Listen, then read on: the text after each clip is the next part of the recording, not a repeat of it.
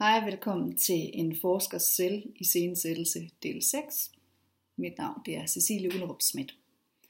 I min forskning der undersøger jeg blandt andet, hvordan kunstnerkollektiver de organiserer sig som fællesskaber, hvordan de drager omsorg for hinanden, omfordeler økonomi, tid og opmærksomhed hensides, hvad man kunne kalde en individuel signatur. Imellem min kandidat og som min Ph.D., der var jeg freelance performancekunstner og kurator og underviser på Kunstakademiet i Berlin, og derfor så er min forskning også informeret af internationale vilkår for kunststuderende og kunstarbejdere.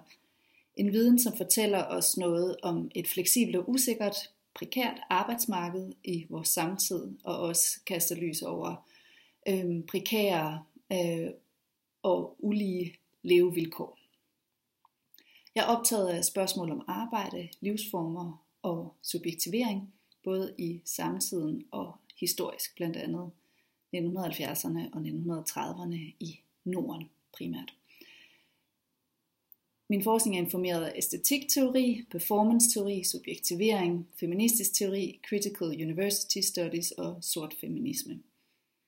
Jeg underviser i kulturteori og i kulturhistorie, og så glæder jeg mig meget til at møde jer.